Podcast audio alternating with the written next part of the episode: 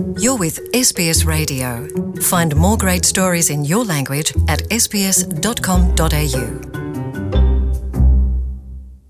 За энэ өдрийн мэндийг монголчууд та бүхэндээ хүргэж SBS радиогоос хүргэдэг дугаараа эхлүүлье. Муж хооронд нүүхэд ямар шалгуурууд тавьдаг вэ? Энэ талаар та бүхэндээ энэ удаагийнхаа подкастыг хүргэж байна. Жил бүр 400 мянга гаруй австралчууд ажил, боловсрал, амьдралын хэв маяг, гэр бүл эсвэл тодорхой нийгмийн бүлэгт нэгдэх гэх мэт зорилгоор нүүн суурьшдаг. Улс даяар хууль, дүрм журам, үйлчилгээнүүд ялгаатай байх тул чеклист буюу анхаарах зүйлсийн жагсаалт таныг муж хооронд нүүн суурьшихад хялбар болох болно. Муж хооронд нүүж байгаа хүмүүсийн тоо өдрөөс өдөрт нэмэгдэж байна. Австралийн статистикийн газраас мэдээлснээр гадаадд төрсэн хүмүүс Австральд төрсэн хүмүүсээс илүү муж хооронд нүүн суурьших хандлагатай байдаг. Шинэ улсад нүүж ирэхэд дасан зохицох, төхнөх гээд асуудлууд их байдаг. Тэгвэл дахиад муж хооронд нүүхэд тухайн улсад хоёр дахь удаага суурьшиж байгаатай адилхан. Оршин суугын үйлчлэгээ үзүүлэгч AMS байгууллагын олон нийт хариуцсан менежер Лори Новел хэлэхдээ цагаачд анх эрэхтэй хийж байсан алхмуудаа дахин нэг санах хэрэг гардаг гэсэн юм а. Australia is a federal nation, so all of the states have different systems, services and laws. Австрали улс бол холбооны улс. Тэгэхээр муж мужууд өөр өөр системтэй үйлчлэгээ хуультай байдаг. Цагаачд анх Австралийн аль нэг мужид ирэхдээ хийж байсан их алхмуудаа өөр муж руу нүүхэд бас л давтан хийгдэх магадaltaй байдаг. Таны нүүхэд анхаарах зүйлсийн жагсаалд оршин суух хаягийн өөрчлөлтөө засгийн газрын хилцүүдэд, банкудад, RMS буюу зам тээврийн хилтэс мөн бусад үйлчлэгээ авдаг байгууллагуудаа шинээр бүртгүүлэх ажил орох ёстой ихэнх өөрчлөлтүүдийг онлайнаар хийх боломжтой. Firstly and probably most obviously there's the change of address. People need to change their addresses and, and not just for their friends but maybe you know with their bank, uh, maybe with Centrelink if they're receiving some sort of payment. Um, if they're on a particular Хамгийн түрүүнд мэдээж гэрийн хаягийн өөрчлөлтөө мэдэгдэх ёстой. Хүмүүс энэ өөрчлөлтийг зөвхөн найзуудтай мэдэгдэхээс гадна банк, Мөн хэрвээ тэтгэмж авдаг бол Centerlink хэрвээ та визтэй бол цагаачлалын албанд шинэ хаягаа мэдээлэх хэрэгтэй. Medicare таны шинэ хаягийг мэдэж байх ёстой ба энэ хүн бүрт хамаатай. Тэгэхээр та хуучин хаяг дээр forwarding address буюу шинэ хаягаа мэдэгдэх арга хэмжээ авбал зүгээр. Ингэснээр таны захиа илгээмжүүд цаг алдалгүй танд хүрэх болно.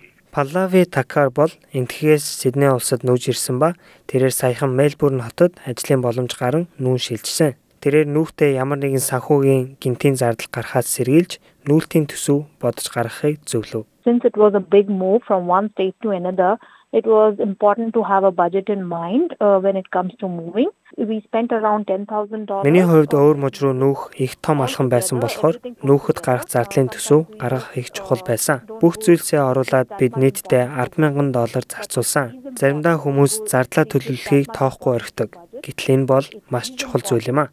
Мөн даатгал болон бусад үйлчилгээнүүд муж болгонд ялгаатай байдгийг санах нь чухал. The insurance company, the health insurance, uh, we we were with Bupa initially with in Sydney and we realized that they charge more because of the Victorian laws and regulations. We were with NRMA when in Sydney and then when we moved here they told that they don't have or have limited services. Даатгалын компани эрүүл мэндийн даатгал гэх мэт олон зүйл өөрчлөгдөх шаардлагатай болсон.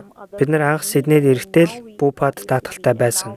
Харин энд ирсэн чинь Виктория мужийн хууль дүрмээр арай өндөр үнэтэй болсон. Мөн Сиднейд NRMA-д даатгалтай байж байгаад Мельбурн хотод ирсэн чинь зарим нэг үйлчилгээ нь байхгүй. Эсвэл бага сонголттой болоод биднэрт өөр компани санал болгож байсан. Харин одоо бид RACV-гээр үйлчлүүлдэг. Тэгэхээр энэ бол тооцож судалж үзэх нэг чухал ажил. Та тухайн мужидаа үйлчлүүлдэг компаниудаасаа өөр мужид адилхан үйлчилгээгээ үзүүлэх хэсгийг шалгах хэрэгтэй юм байна лээ.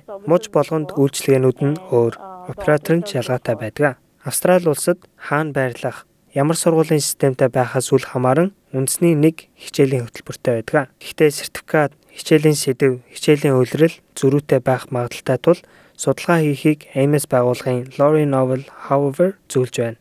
If you have kids or even if an adult is involved in training or education, it's worth knowing about um, you know the system in the particular state you're moving to.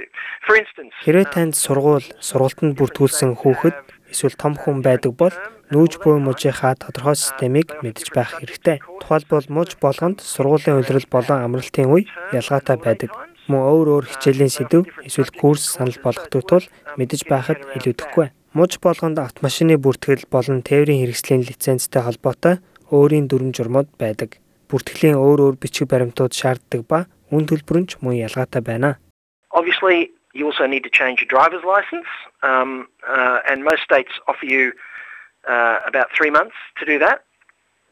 Um, and speaking of, of transport, um, Мэдээж та жолооны үнэлгээ солих ёстой. Ихэнх муж танд үнэлгээ солиход 3 сарын хугацаа алгадаг. Зам тээврийн хувьд мэдээж муж бүрт замын хөдөлгөөний дүрм ялгаатай. Ялангуяа Victoria муж tram буюу утсан галт хэрэгтэй тул арай онцлогтой. Тиймээс орон нутгийн замын хөдөлгөөний дүрмийг мэдж байх нь хэрэгтэй. Мөн нийтийн тээврийн хэрэгслийн систем болон тасалбар нь өөр өөр байдаг. Зарим газар нийтийн тээврийн үйлчилгээ бусад газраас илүү сайн байх гэх мэт. Австрали улсад заавал сонгуул өгөх ёстой. Та нүүх болгондоо сонгогчдын нэрсийн жагсаалд хаягаа шинжлэх шаардлагатай. Тэгэхгүй бол таны нэр хасагдаж сонгуул өгөх боломжгүй болдог. Lori Novel хэлэхдээ Австралийн сонгуулийн хороо бүртгэлээ шинжлэх олон сонголтууд санал болгодог гэсэн юм.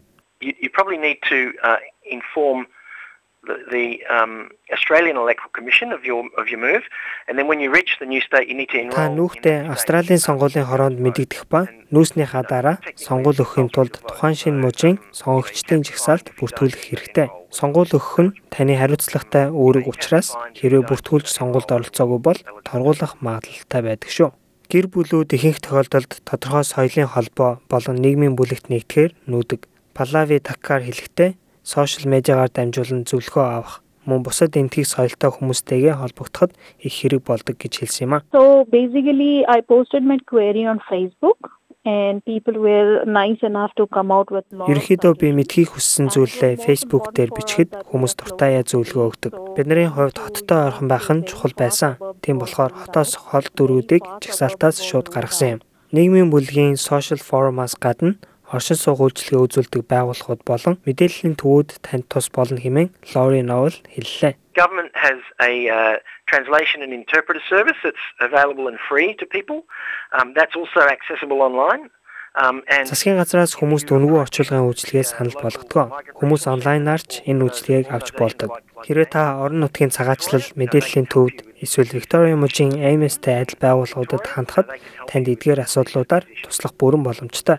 Австрали улс дэлхий дээрх маш хатуу хуультай улс гэдгийг мэдхэд илүүдэхгүй. Энэ муж хооронд нөхөд ч хамааралтай.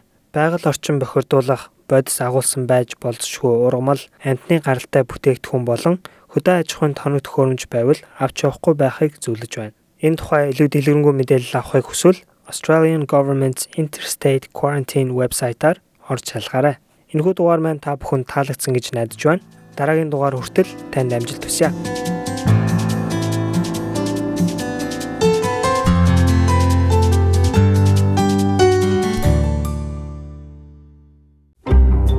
Hear more stories in your language by visiting sbs.com.au.